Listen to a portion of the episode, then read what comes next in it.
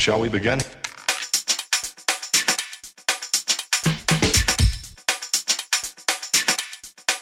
Let's begin. Jeden podcast, jedna misja, jedyne takie miejsce, w którym możesz posłuchać rozmów z podcasterami o ich podcastach i pasjach, o ich pierwszych krokach w podcastingu, sprzęcie i finansach. Przed Wami gospodarz audycji, Krystian Zych i jego dzisiejszy gość. Cześć, witam Cię serdecznie w kolejnym odcinku Rozmów o podcastach. Dzisiaj chciałem Ci przedstawić osobę, którą poznałem na długo przed tym, zanim zaczęła nagrywać swoje własne podcasty, ale podcasty w pewnym sensie, wtedy to jeszcze były audycje e, wyłącznie nagrywane przeze mnie, spowodowały, że nasze wtedy zawodowe kontakty zaczęliśmy przenosić również i do życia prywatnego. W tej chwili, po kilku latach, muszę przyznać, że Moja dzisiejsza rozmówczyni jest jedną z bliższych mi, mi, osób, jest jedną z moich y, najbliższych przyjaciół, ale dzisiaj oczywiście głównym tematem naszej rozmowy będzie podcast. Agnieszka Zdunek, moja dzisiejsza rozmówczyni, prowadzi podcast Jest Zielono. Jest to pierwszy w Polsce podcast o ekologii, o ograniczeniu konsumpcji, o produkowaniu mniejszej ilości śmieci i wielu innych ciekawych rzeczach. Mam nadzieję, że to, o czym nagrywa Agnieszka swoje audycje, będzie dla Was taką samą inspiracją, jaką jest dla mnie. Żeby już nie przedłużać, zapraszam serdecznie. Agnieszka Zdunek jest zielono.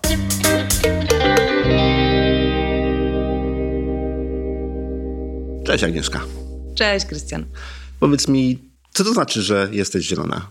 O, to bardzo dużo rzeczy zawiera się w tym jednym stwierdzeniu. Pierwsze skojarzenie jest zielona, że tak mówię, tak bardzo łąkowo to brzmi.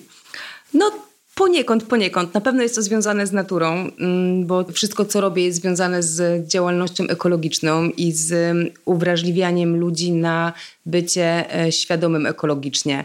Także poniekąd tak, e, jestem zielona ja jestem po prostu zielona. Staram się żyć w sposób świadomy ekologicznie, staram się e, nie śmiecić, e, staram się segregować odpady, staram się żyć z, zgodnie z ideą zero waste, e, czyli zero odpadów. Staram się edukować i, i dorosłych, i dzieci w zakresie ekologii. Prowadzę warsztaty ekologiczne, warsztaty kosmetyczne, warsztaty mydlarskie, prowadzę ogród e, społeczny w Poznaniu. Też e, remontuję teraz e, starą zagrodę olenderską z 1830 roku, która też będzie takim centrum ekologicznym. Także jestem zielona, to tak naprawdę ja jestem zielona i stąd się właśnie wzięła ta nazwa.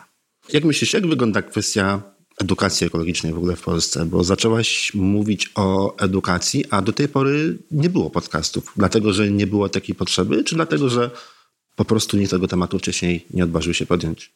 Ja myślę, że rynek podcastów w Polsce jest y, jeszcze bardzo niszowym rynkiem, dlatego też nie ma takich podcastów. Większość podcastów, które są w Polsce, to są podcasty o tematyce biznesowej, marketingowej, jakiejś coachingowej i faktycznie mój podcast, y, podcast Jest Zielono, jest pierwszym w Polsce podcastem o tematyce ekologicznej, o życiu zgodnie z zasadą zero waste, o ograniczeniu konsumpcji i o takim zielonym e, sposobie życia. I nie ma faktycznie w Polsce podcastu o takiej tematyce, natomiast jest cała masa blogów, które tą tematyką się zajmują. A ja chciałam jakby poszerzyć rynek podcastów i nie chciałam być jednym z wielu tysięcy blogów, chciałam być po prostu pierwszym, mm, pierwszym podcastem. A jak to wygląda poza granicami naszego kraju? Bo wiem, że słuchasz podcastów również i po angielsku. Mhm, tak. Rynek amerykański, bo ja słucham głównie amerykańskojęzycznych e, podcastów. No to jest bardzo rozwinięty rynek, jeżeli chodzi Oj, o tak, podcasty. To podcasty, jest, no. Tak, to jest bardzo, bardzo rozwinięty, no najbardziej rozwinięty rynek e, na świecie. Tam są podcasty jak najbardziej ekologiczne, tylko że one są już bardzo wyspecjalizowane, czyli nie ma podcastów o szeroko pojętej tematyce ekologicznej. Są podcasty związane z permakulturą, są podcasty związane z minimalizmem, są podcasty związane z e, zero waste właśnie albo less waste, czyli mniej śmieci. Są podcasty o robieniu mydła, są podcasty o robieniu kosmetyków, czyli tam już podcasty są bardzo, bardzo wyspecjalizowane. Natomiast w Polsce, gdybym ja zaczęła robić bardzo specjalistyczny podcast, nikt praktycznie do mnie by nie trafił. A przez to, że mój podcast zawiera w sobie wszystkie te elementy ekologiczne, jeżeli mogę tak to nazwać, jest szansa, że ktoś, kto posłucha jednego odcinka mojego, trafi na kolejny i trafi na kolejny i jakby jego świadomość ekologiczna wzrośnie. Ktoś, kto jest zainteresowany tym, w jaki sposób legalnie można produkować naturalne kosmetyki, może wysłucha kolejnego odcinka o tym, czym jest permakultura, ten, kto e, jest zainteresowany permakulturą, może wysłucha tego, czym jest zero waste i tak dalej, i tak dalej. Także dlatego właśnie ta moja tematyka podcastów jest taka szeroka. A czym jest zero waste? Zero waste to jest um, taka idea życia bez śmieci, czyli zero śmieci. To jest dosyć y, utopijna. No właśnie, da się, bo słyszałem ostatnio, że w Los Angeles mieli z tym problem. Próbowali ograniczyć śmieci w mieście i tak chyba nie do końca im wyszło. Zero waste to jest takie bardziej pojęcie, do którego się dąży. Nie jesteśmy w stanie, my teraz żyjąc w XXI wieku, być zero waste, nie produkować w ogóle śmieci. E, bardziej starajmy się być less waste, czyli mniej śmieci. Starajmy się nie, nie, nie kupować rzeczy, które są opakowane w plastik, tak? Jeżeli na przykład idziemy do sklepu, to nie kupujmy um, żywności w, w, plastikowych siatkach, tylko nośmy ze sobą woreczki y, lniane bądź z jakiegokolwiek innego materiału, które możemy później wykorzystać.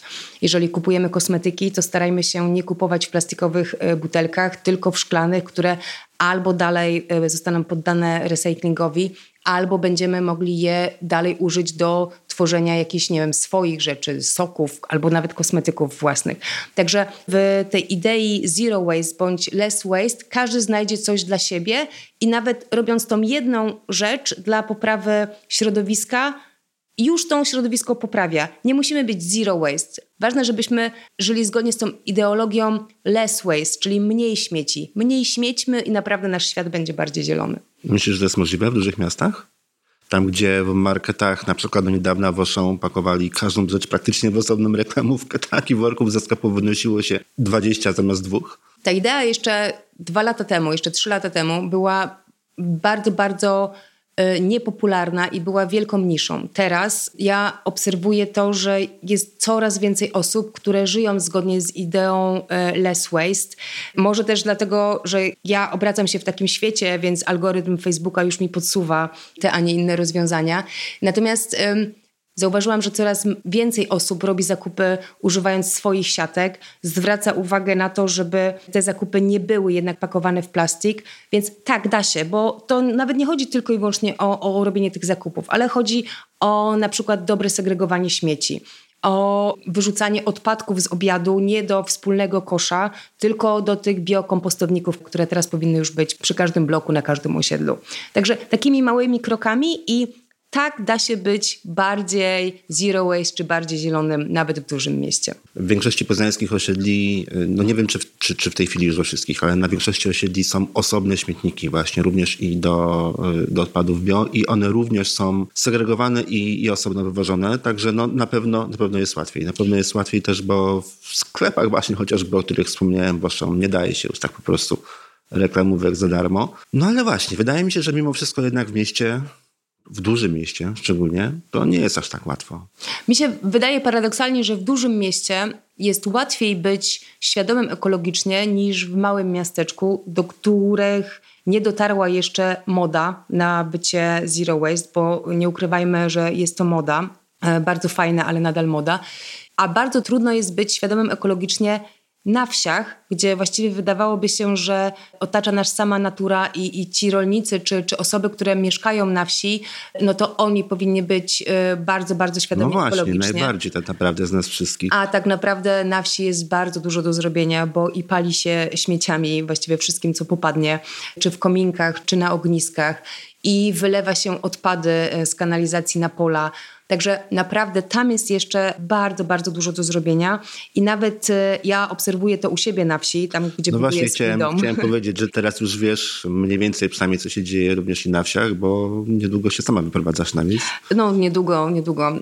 Planuję za dwa lata, na razie jeszcze, na razie jeszcze jest to duże, duże miasto.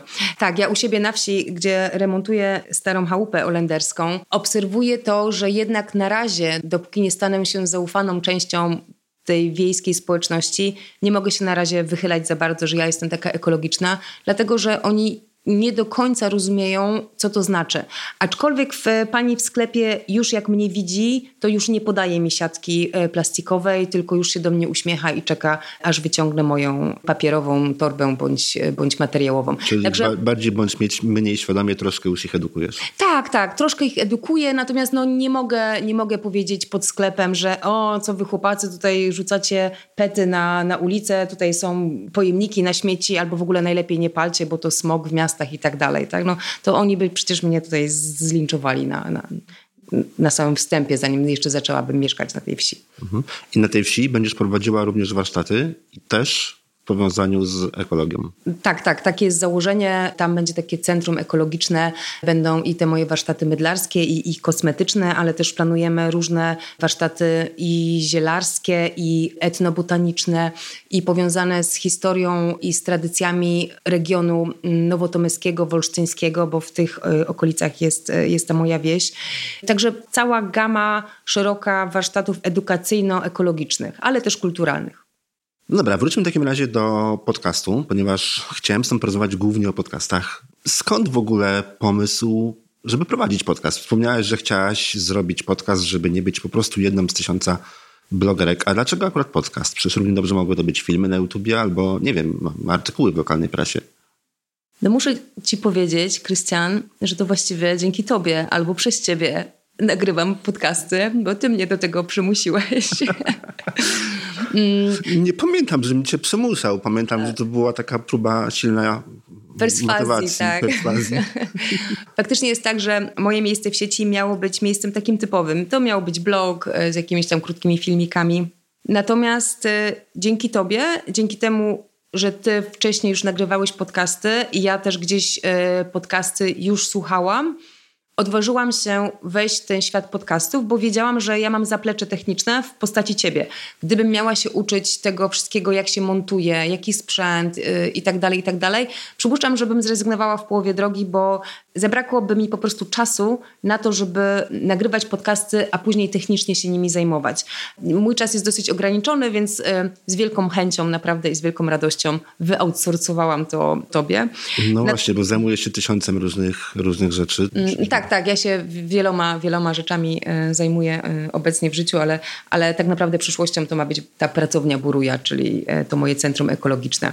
A podcasty dlatego, tak jak mówiłam wcześniej, bo nie ma podcastów ekologicznych w Polsce i dlatego chciałam być pierwsza i chciałam jakby, żeby ta zielona wieść, zielone wiadomości dotarły też poprzez inny kanał do ludzi.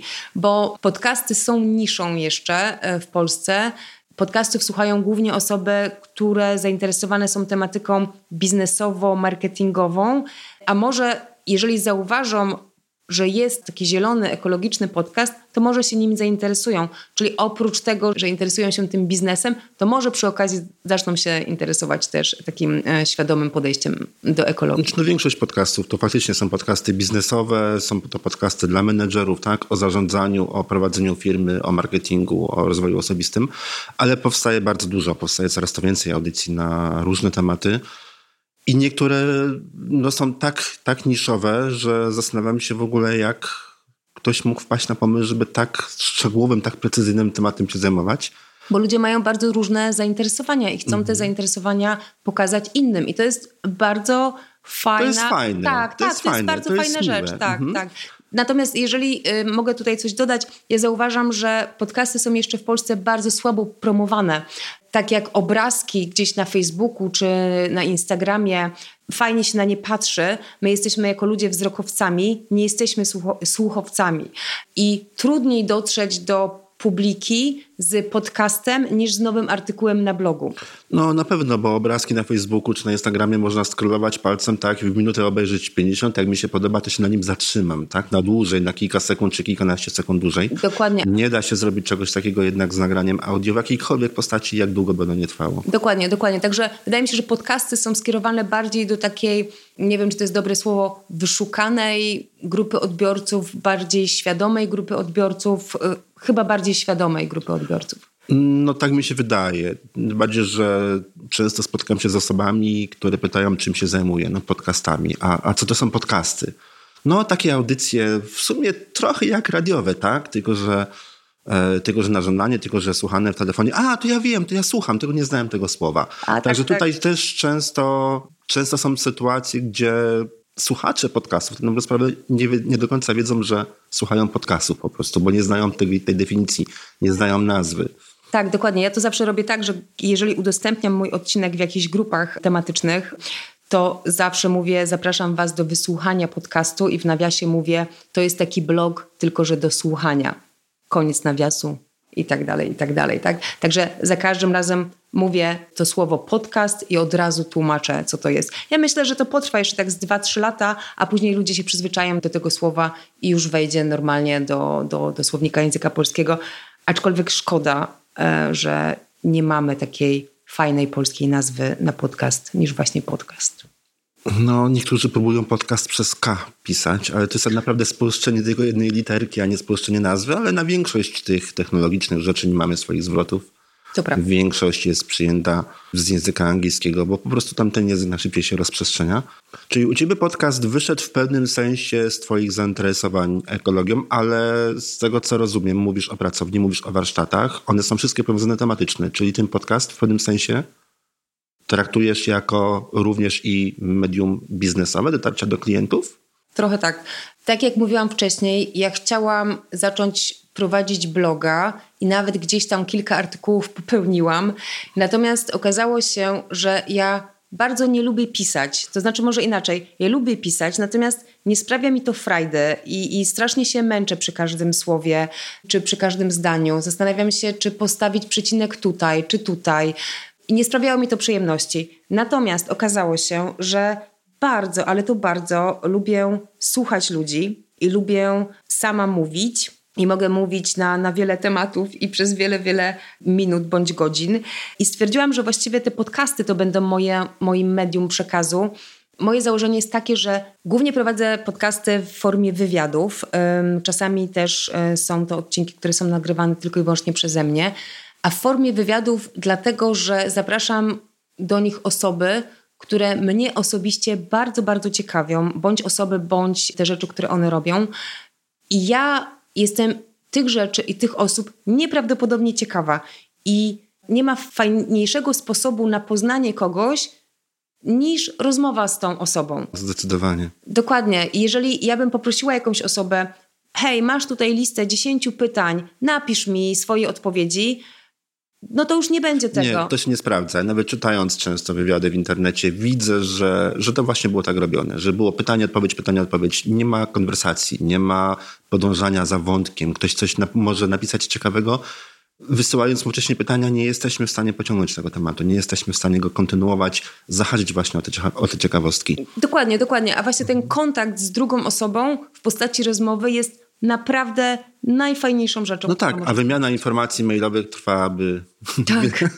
bardzo, bardzo, bardzo długo. Tak, tak. W jaki sposób szukasz gości do swojego podcastu, do swojej audycji? Oj, to bardzo różnie, bo ja jak y, wzięłam się w końcu za podcast, za podcasting, wypisałam sobie listę 30 tematów, zagadnień bądź osób, z którymi chciałabym porozmawiać i po kolei te tematy y, realizuję, z tymi osobami rozmawiam. Y, Z niektórymi wymiana maili trwa długo, więc y, jeszcze nie powstały te pierwotne moje, moje tematy. Natomiast bardzo przez przypadek. Czasami budzę się w nocy i mam już pomysł na kolejny tytuł. Czasami coś zobaczę, w, nie wiem, na Facebooku albo czasami coś na Instagramie. Czasami usłyszę y, od kogoś, że jest ktoś fajny albo jest jakaś fajna inicjatywa i jakby stąd się bierze, czyli pomysły biorę z życia. Nie miałeś problemu z zapraszaniem pierwszych gości? Początki wiadomo najtrudniejsze, tak? Nie masz jeszcze tego portfolio, nie masz czym się pochwalić, nie możesz po, powi- pokazać y, swoim gościom tak naprawdę, gdzie chcesz ich zaprosić i, i co będziecie robić. Nie było problemów? Do pierwszych podcastów tak naprawdę zaczęłam zapraszać osoby, które ja już wcześniej znałam.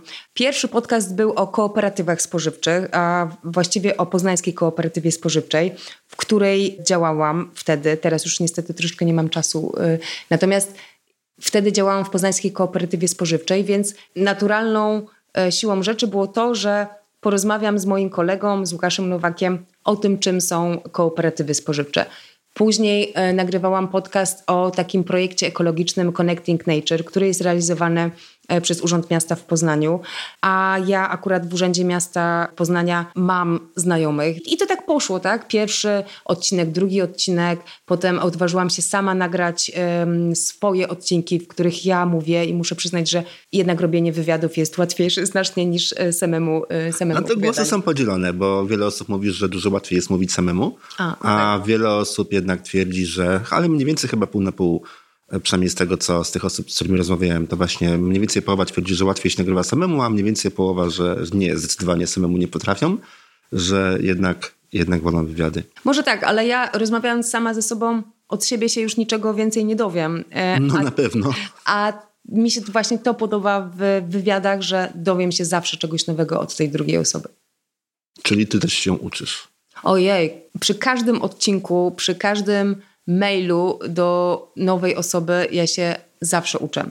Pod koniec września, to był chyba 29 września, byliśmy na, razem z Tobą, y, byłam na konferencji podcasterów z okazji Międzynarodowego Dnia y, Podcastów i wśród całej serii absolutnie fantastycznych wywiadów i warsztatów, które tam się odbywały, był też taki warsztat, wykład z panią Anną Wacławik-Orpik, która mówiła właśnie, w jaki sposób przeprowadzać wywiady.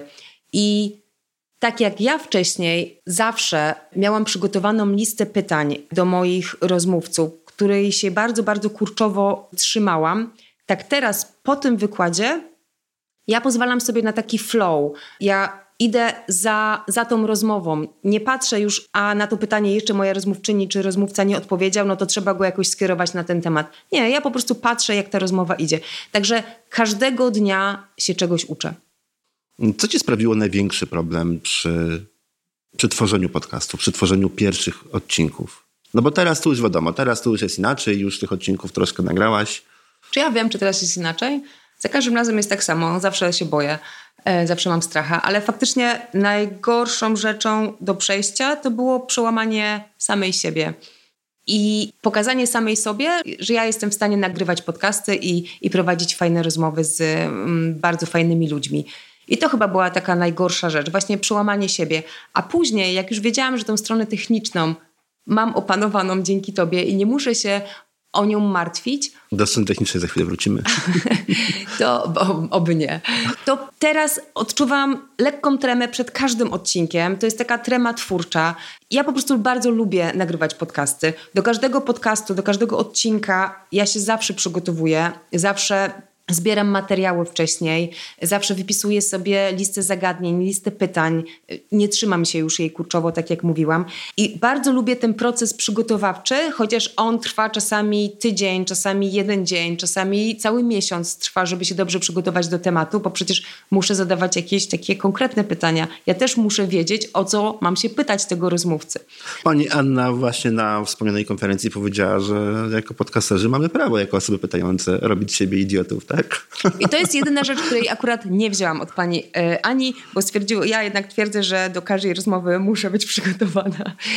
Natomiast e, jakby prowadzenie rozmowy też mi sprawia bardzo, bardzo dużą przyjemność. Jedynie czego nie lubię, to później nie lubię promować tych podcastów, bo w tym momencie mam wrażenie, że tak muszę wychodzić z lodówki z tymi podcastami, a ja bym chciała, żeby po prostu już wszyscy mnie słuchali, no ale niestety świat jest taki, że, że muszę wychodzić z lodówki, aczkolwiek wydaje mi się, że większość osób myśli, że ja nawet tych drzwi jeszcze nie otworzyłam od lodówki. Nasz pogląd na to, w jaki sposób się promujemy, jest zupełnie inny niż pogląd naszych słuchaczy i, i faktycznie nam się bardzo często wydaje, że właściwie jesteśmy już wszędzie, że już no, nie ma takiej możliwości, żeby ktoś o nas nie wiedział po czym nagle się okazuje, że na 100 zapytanych osób jeden nas kojarzy, a reszta kim ty jesteś i, czego ode mnie chcesz. No tak, tak, no tak jest, tak jest. No ale tak jesteśmy niszą. Tak to często wygląda. No tak, ekologia, y, moje podcasty, również te o książkach, to faktycznie są tematy dosyć w Polsce jeszcze niszowe. I faktycznie, no tutaj, tutaj królują biznesowe, królują marketingowe. Im jest chyba trochę łatwiej się przebić, bo no jest, wydaje mi się przynajmniej, że tutaj w grę też wchodzi rozpoznawalność podcastu, czy w ogóle znajomość tematu podcastingu przez ich słuchaczy, tak? Jak nam troszkę, nam troszkę trudniej, bo my musimy do tych ludzi jeszcze dotrzeć. Wiesz musimy to... ich nauczyć słuchać w ogóle. A ja nie wiem, czy to jest tak, bo wydaje mi się, że podcasty, zresztą tak jak blogi, one powinny być użyteczne. To nie jest tak, że ty nagrywasz sobie podcast, czy ja sobie nagrywam podcast tylko i wyłącznie dla siebie. On ma służyć czemuś, albo ma, bardziej ma służyć komuś. Czyli osoba, która cię słucha, ma wynieść z tego podcastu realną korzyść. I kiedy ja rozpoczynałam swoją firmę, to ja uczyłam się, w jaki sposób e, prowadzić firmę i w jaki sposób, nie wiem, oszczędzać pieniądze i tak dalej, i tak dalej. Uczyłam się właśnie z podcastów. Nie miałam czasu za bardzo czytać blogów, więc jeżdżąc samochodem, rowerem, bądź spacerując, bądź pracując w ogrodzie, ja miałam słuchawki w uszach. Zresztą do teraz mam, bo głównie słucham podcastów. I tak się właśnie uczyłam. Nie czytałam blogów, tylko słuchałam podcastów. Więc myślę, że jeżeli temat zainteresuje słuchacza, to on do ciebie przyjdzie. Nie ma sensu zmuszać kogoś, kto zupełnie nie jest zainteresowany bądź ekologią, bądź, e, nie wiem, w Twoim przypadku czytaniem książek, do tego, żeby słuchał Twojego podcastu, bo to nie jest Twoja grupa docelowa. Mhm. Ile czasu u Ciebie trwało przygotowanie pierwszej audycji? Pamiętasz? Przygotowanie techniczne, czy. W ogóle chodzi mi od momentu, w którym stwierdziłaś, że jednak ten podcast będziesz nagrywać, że to jest to, co chcesz robić do momentu nagrania. Ale muszę się przyznawać, naprawdę? No powiem ci, że no niektórzy potrzebują na to kilku lat, tak? Także... A nie, nie, to nie było tak źle. U mnie to chyba ten proces przekonywania samej siebie, że, że potrafię, to myślę, że to była gdzieś kwestia 3-4 miesięcy, najdłużej chyba 3-4 miesiące.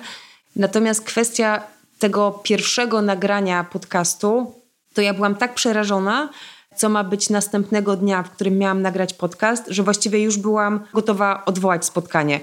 I w tym momencie wiedziałam, że jeżeli odwołam to spotkanie, to już podcasty w życiu nie powstaną. Y, ja nie zajmę się już robieniem tych podcastów, więc przełamałam się, nagrałam podcast i pamiętam, że jak Łukasz wyszedł ode mnie z domu, to ja zrobiłam takie i już później po prostu popłynęło wszystko i, i, i to a był najgorszy to w nagraniu moment. tego nie było słychać. A widzisz, a to jest profesjonalizm po prostu to pierwszego odcinka, no. tak. No, bo nie było słychać w nagraniu. No jak teraz mówisz, że byłaś aż tak zestresowana, to, to, to powiem ci, że no nie, no nie, nie, nie, nie rzuciło się mhm. to, że tak powiem, w uszy. Mhm. Znaczy moim, moim założeniem jest, e, bo ja słucham naprawdę bardzo wielu, wielu podcastów. Bardzo się cieszę, że w Polsce powstaje coraz więcej podcastów i coraz więcej osób e, zaczyna zajmować się podcastingiem. Natomiast te podcasty nowe, powstające, tak samo jak nowo powstające blogi, Niektóre z nich są bardzo kiepskiej jakości, niektóre są absolutnie profesjonalne.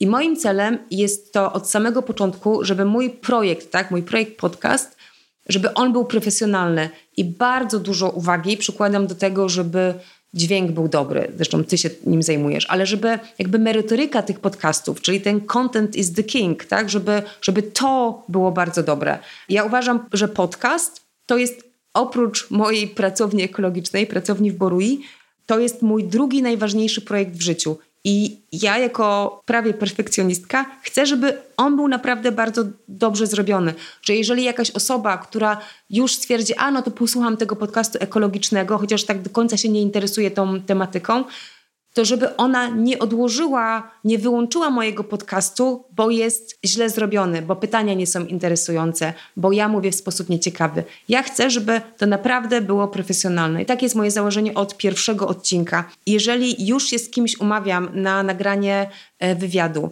i stwierdzam, że ta osoba no, zupełnie mi nie leży, po prostu mi zupełnie nie leży, to ja jestem w stanie odwołać to nagranie, albo zupełnie odwołać, albo przełożyć, bo moje nagrania mają być po prostu i moje wywiady mają być dobrej jakości. Mnóstwo jest audycji. Większość z nich, właśnie nie wiem, nie wiem czy to jest jakaś zależność, czy, czy to tylko e, mi się tak wydaje, że większość tych najsłabszych, przynajmniej jeżeli chodzi o tą kwestię techniczną, bardzo szybko umiera. Tak, tak, podobno Ale... jest. Mhm ale właśnie zauważyłem, jest mnóstwo. Powstaje naprawdę straszne ilości podcastów, które mają po dwa, po trzy odcinki. Niektóre mają jeden, niektóre mają maksimum tak do pięciu, które są tak złej jakości, że szukając właśnie audycji, jakie nowych, jakie powstają, staram się być w miarę na bieżąco e, z tym, co się dzieje w branży, to niektórych po prostu nie jestem w stanie przesłuchać nawet jednego odcinka. Ze względu właśnie na ich jakość techniczną, już pomijając kwestie merytoryczne, tak, bo ja się nie muszę na wszystkim znać, nie wszystkie tematy muszą mnie interesować, i w momencie, jeżeli po prostu szukam audycji po to, żeby wiedzieć, kto co nagrywa, co się w ogóle dzieje w rynku, no to nie muszą mnie wszystkie tematy interesować, więc trudno mi jest oceniać to merytorycznie. ale technicznie niektóre to po prostu jest no, coś, coś strasznego. Ale właśnie większość takich bardzo szybko umiera. Ale wiesz, jak są podcasty te anglojęzyczne, na przykład o, mm, nie wiem, o, o permakulturze, tak? Jest permakultura tutaj dla osób, które nie wiedzą, to jest taki e, sposób uprawy ogrodu, który jest zgodny z naturą. To jest takie, ja zachęcam zresztą do posłuchania odcinka trzeciego. Nagrałaś czwartego. dwa odcinki na ten temat. Tak, tak, tak, bo jest e, bardzo fajny, taki zgodny z moimi przekonaniami um, sposób uprawy y, ogrodu. I jest bardzo dużo anglojęzycznych podcastów na temat permakultury w różnych ujęciach, bo permakultura ma różne ujęcia. I chociaż mnie ta tematyka bardzo, bardzo interesuje, to ja nie jestem w stanie słuchać niektórych podcastów ze względu na to, że osoby, które są e, gospodarzami bądź e, osoby, które e, są gośćmi w danych podcastach, tak strasznie przynudzają i może nawet mówią na temat, ale po prostu przynudzają, są nudne. I ja w tym momencie słucham jedną, drugą minutę, daję czas, dobra, do pięciu minut i wyłączam. I koniec. I już dalej nie wracam do tego podcastu. No tak, bo już pamiętasz, że ten podcast był kiepski. Tak, dokładnie. No ale to jest tak ze wszystkimi podcastami, ale to też jest kwestia gustu, bo to, co się tobie nie podoba, akurat innym może przypaść do gustu, tak? Oczywiście. I, i inni mogą uznać akurat tą audycję za, e, za super, za bardzo ciekawą. Wspominałeś kilka razy o kwestiach technicznych. Powiesz, czego używasz, jakiego sprzętu do nagrywania podcastów? Matko Boska, to jest tak jakbyś, jak się ludzie mnie pytają, jaki mam samochód, ja im zawsze odpowiadam, że żółty. Kupując mikrofon, mm, zaraz powiem nazwę, ja nie byłam do końca pewna, czy przetrwam magiczną liczbę siedmiu odcinków, bo taka jest liczba odcinków, po której już podobno się będzie na stałe nagrywać podcasty. Więc kupiłam sobie mikrofon, który nie wiem ile on kosztował 200-300 zł, więc w miarę był tani. I to jest mikrofon, który się nazywa Samsung Go Mic. I to jest bardzo malutki, bardzo prosty sprzęcik. Ja nie mam takich wymyślnych, fajnych mikrofonów, jak ty masz, przez które teraz nagrywamy. Ja mam po prostu ten mikrofon, który jest podłączany USB do komputera. Mam bardzo proste oprogramowanie do na nagrywania e, tych podcastów. I to jest właściwie wszystko. Naprawdę ja nie mam skomplikowanego sprzętu. Zresztą ja też nie jestem kolekcjonerką e, sprzętów jakichkolwiek, mm, więc dlatego moje sprzęty są bardzo, bardzo proste i mam właściwie tylko i wyłącznie to, e, co potrzebuję. Gdybym musiała montować te podcasty sama, no to przypuszczam, że musiałabym mieć jakiś bardziej zaawansowany sprzęt, no ale na szczęście mam ciebie, więc nie muszę. No tak, ale to nie mikrofon. Mikrofon ten y, Samsung Go faktycznie, on kosztuje w okolicach 200 zł z tego, co, mhm. z tego co pamiętam. Jest o tyle fajny, że możesz nagrywać sama i, i on też ma możliwość nagrywania dookoła, tak? Czyli jak go postawisz na środku stołu, w jakimś oczywiście w miarę cichym miejscu, to również i, i da się nagrywać dwie osoby. I tym jednym mikrofonem nagrywasz wszystkie swoje wywiady. Tak. Przynajmniej te, które są nagrywane, że tak powiem, face to face. Wszystkie swoje wywiady nagrywam e, w ten sposób. Nawet kilka dni temu pierwszy raz nagrywałam na odległość, um, używając programu do nagrywania podcastów na odległość. Zencast, Zencast. Mhm. Mhm, tak się ten program nazywał. I też nagrywałam go przy użyciu tego mikrofonu. Także wszystkie odcinki nagrywam tym mikrofonem i jak dla mnie jest absolutnie wystarczający. E, chciałem wrócić do listy Twoich audycji. Wspomniałeś, że miałeś na początku przygotowane około 30 odcinków, tak? Czy to jest 30 tematów, które chciałeś poruszyć? Bardzo ważna rzecz. Jest to jedna z tych rzeczy, o której wydaje mi się, że wiele osób zapomina, przygotowując swoje audycje, żeby właśnie przygotować listę więcej niż pierwszych dwóch, trzech tematów. Ta lista cały czas ma te 30 pozycji, czy się rozrasta? Oj, ta lista się rozrasta, bo e, wiesz, bo na początku było 30 pozycji, a teraz mam nagranych kilkanaście e, odcinków, bo cały czas jestem bardzo początkującą podcasterką. Natomiast z tej listy 30 ubyło może 5, bo weszło kolejnych 15 i tak dalej. Także ta lista się cały czas rozrasta, bo tak jak wspominałam mhm. wcześniej, ja cały czas mam nowe pomysły i cały czas je dopisuję do tej listy. Także ja mam bardzo dużo pomysłów y, nowych na podcasty, ale cały czas pracuję nad tym, żeby mieć nagrane podcasty na przyszłość, czyli ja publikuję moje odcinki co dwa tygodnie, z regularnością co dwa tygodnie, ale bardzo bym chciała, żebym doszła do tego etapu, gdzie ja już mam nagranych odcinków na kolejne dwa, trzy miesiące. Czyli jeżeli Ha, ja jestem... Marzenie niejednego podcastera. Dlatego mówię, że pracuję cały czas nad tym. Bo zdarzyło się tak, e, na przykład w ciągu ostatnich e, tygodni, że się rozchorowałam zwyczajnie i mój głos absolutnie nie nadawał się do tego, żeby był nagrywany. Ja zresztą nie miałam sił, e, żeby z kimkolwiek rozmawiać albo sama nagrywać. I przez to powstała luka tygodniowa w moich odcinkach i bardzo, bardzo mi to ciążyło. Jeżeli miałabym te odcinki nagrane na zaś, nazwijmy to, no to nie byłoby tego problemu. Ja też miałabym mniejsze obciążenie psychiczne. Także to jest rzecz, nad którą pracuję i miejmy nadzieję, że... I to jest rzecz, na którą wielu, wielu, naprawdę wielu podcasterów, jeżeli nie większość, mówi, że pracuje, albo mówi, że powinna zacząć pracować, bo jest to faktycznie, jest to duży problem, ale wydaje mi się, że nie dotyczy on tylko podcasterów, ale w ogóle publikacji jakichkolwiek materiałów, bo podobnie przypuszczam jest wśród blogerów, wśród youtuberów, że tak naprawdę większość osób to chyba jednak nie ma listy, znaczy się listę ma, ale nie ma gotowych odcinków nagranych, przygotowanych na zaś. Wydaje mi się, że to właśnie odróżnia profesjonalnych blogerów czy profesjonalnych podcasterów. Ja nie mówię, że my się tutaj do takich, znaczy przynajmniej ja się do takich zaliczam, od takich nieprofesjonalnych, do których już właśnie teraz się zaliczyłam.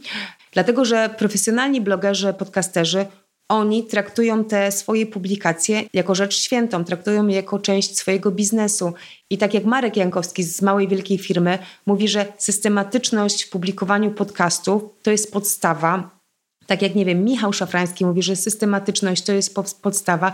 Tak wielu, wielu podcasterów, e, wielu blogerów dokładnie to, mówi to samo. Znaczy blogerów, podcasterów takich znanych, którzy odnoszą sukcesy. Oni odnoszą mhm. sukcesy, dlatego że publikują regularnie, że nie ma u nich takiej ciszy dziur, tak? dwumiesięcznej tak? na przykład, mhm. tak? I ja do tego dążę. Nie mówię, że mam już to, pracuję nad tym. Powodzenia w takim razie. A ja nie dziękuję, nie, nie, bo wiem, że to będzie.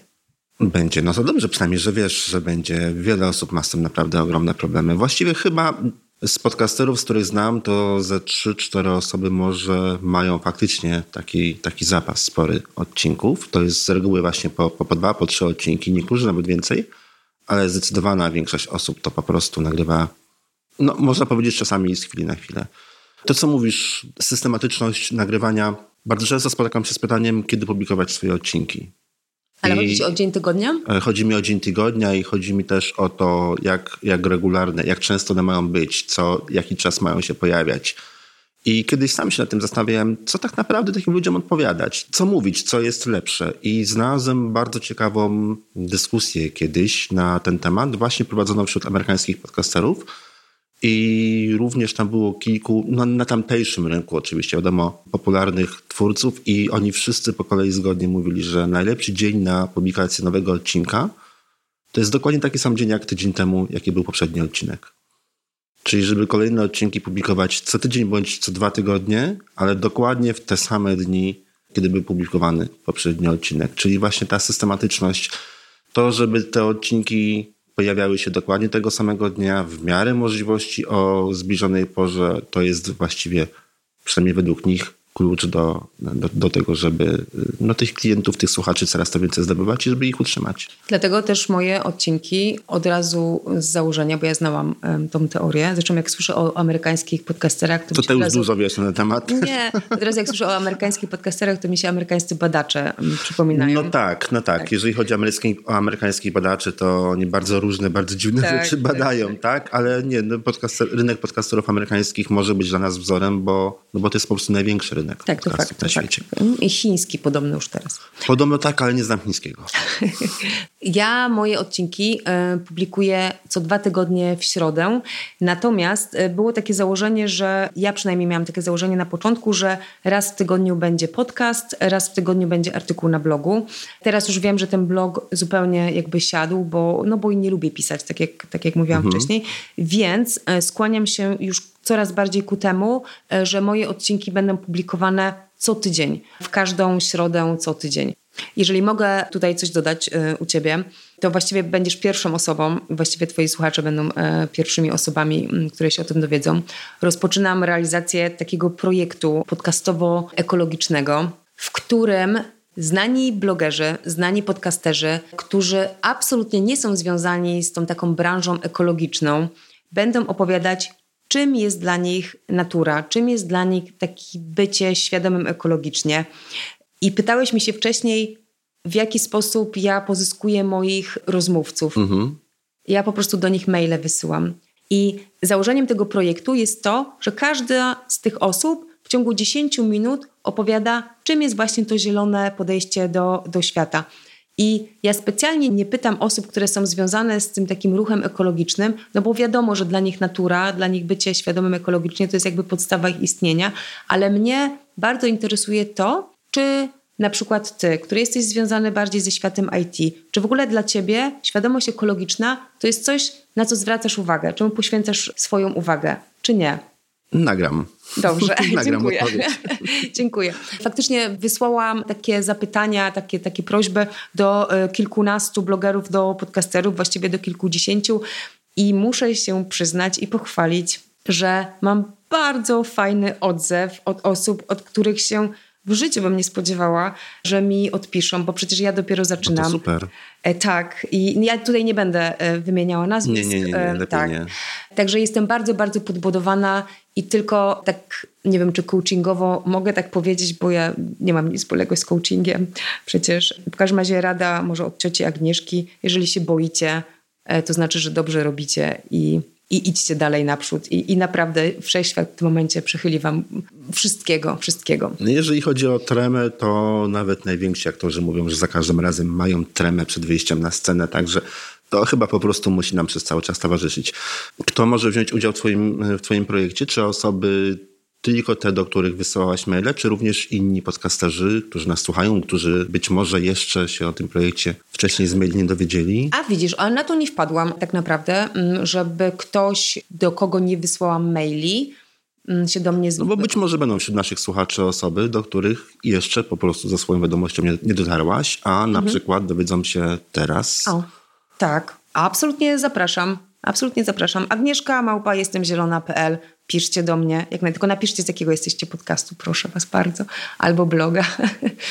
Czyli jeżeli chcecie powiedzieć kilka słów o tym, jak u Was e, wygląda podejście do ekologii, do ograniczania śmieci, tak, to zapraszamy do kontaktu z Agnieszką. Jestem zielona.pl albo Agnieszka Małpa jestemzielona.pl.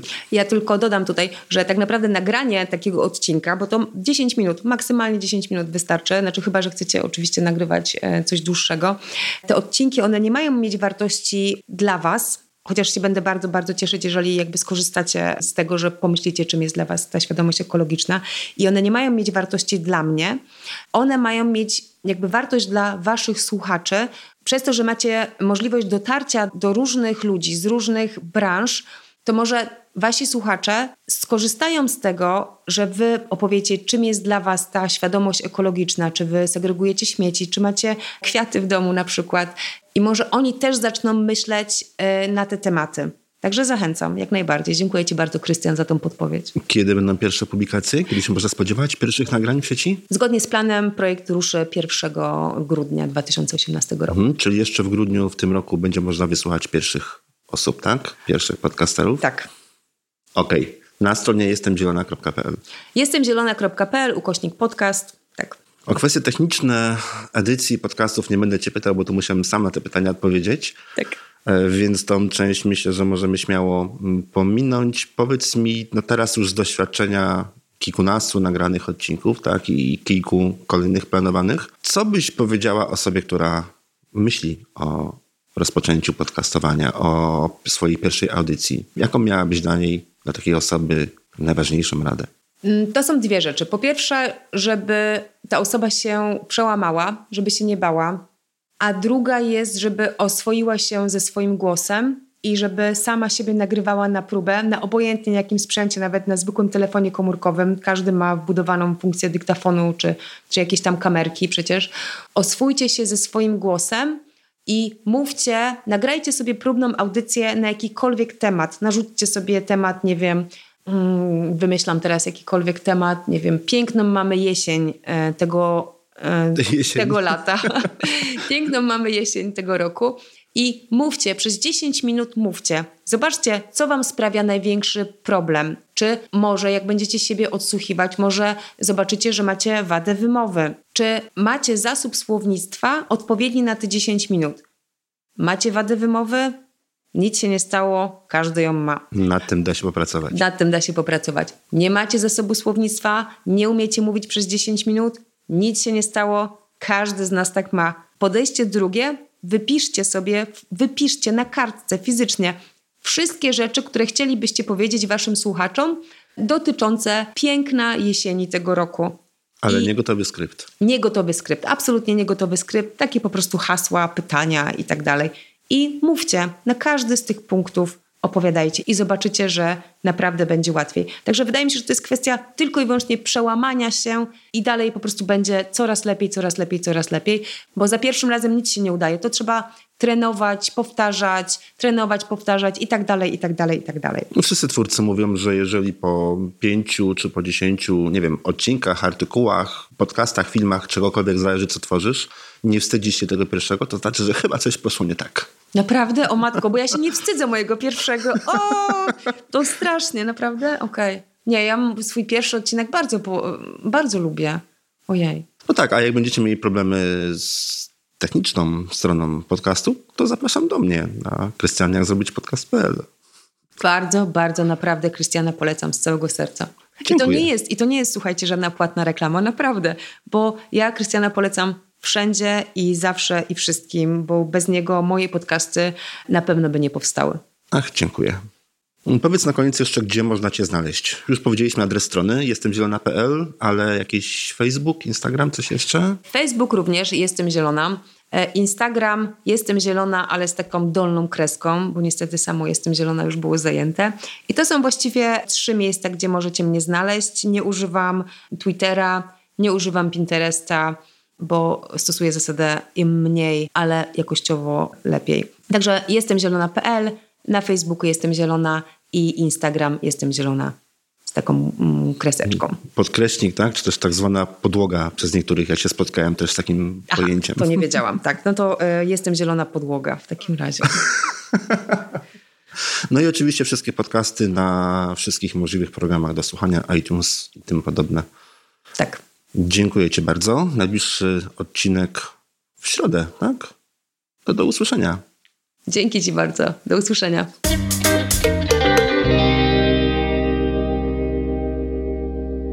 Jak więc widzicie, żeby żyć w zgodzie z ekologią, z tymi trendami ekologicznymi, wcale nie trzeba aż tak bardzo dużo i mam nadzieję, że cała ta ekologia, moda na ekologię, moda na ograniczanie śmieci to nie tylko coś, co za kilka miesięcy przeminie, ale ta moda się utrzyma przynajmniej przez wiele następnych lat.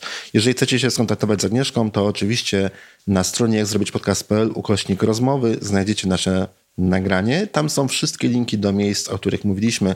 Tam jest link do ogrodu społecznego, który Agnieszka prowadzi, jest link do jej podcastu, jest link do strony internetowej z warsztatami, które prowadzi. I jest też kilka informacji o tej tajemniczej pracowni Boruja, o której kilkukrotnie wspominała. I chciałbym nawiązać jeszcze do edycji nagrań. Zgadza się, ja edytuję wszystkie odcinki Agnieszki, od, począwszy od pierwszego odcinka, zajmuję się tym cały czas i wiem, że dzięki temu było jej dużo łatwiej rozpocząć swoją przygodę z nagrywaniem podcastów. I jeżeli wy również chcielibyście skorzystać z mojej oferty, oczywiście bardzo serdecznie zapraszam. Krystian Małpa, jak zrobić podcast.pl Piszcie, dzwońcie na mojej stronie internetowej, jest mój numer telefonu, jest odnośnik do y, komunikatora, y, do Messengera Facebookowego. Możecie się ze mną skontaktować na kilka różnych sposobów i oczywiście bardzo serdecznie zapraszam do kontaktu, do współpracy. I zapraszam Was również do kolejnego odcinka rozmów o podcastach, który będzie można usłyszeć już za dwa tygodnie. Do usłyszenia.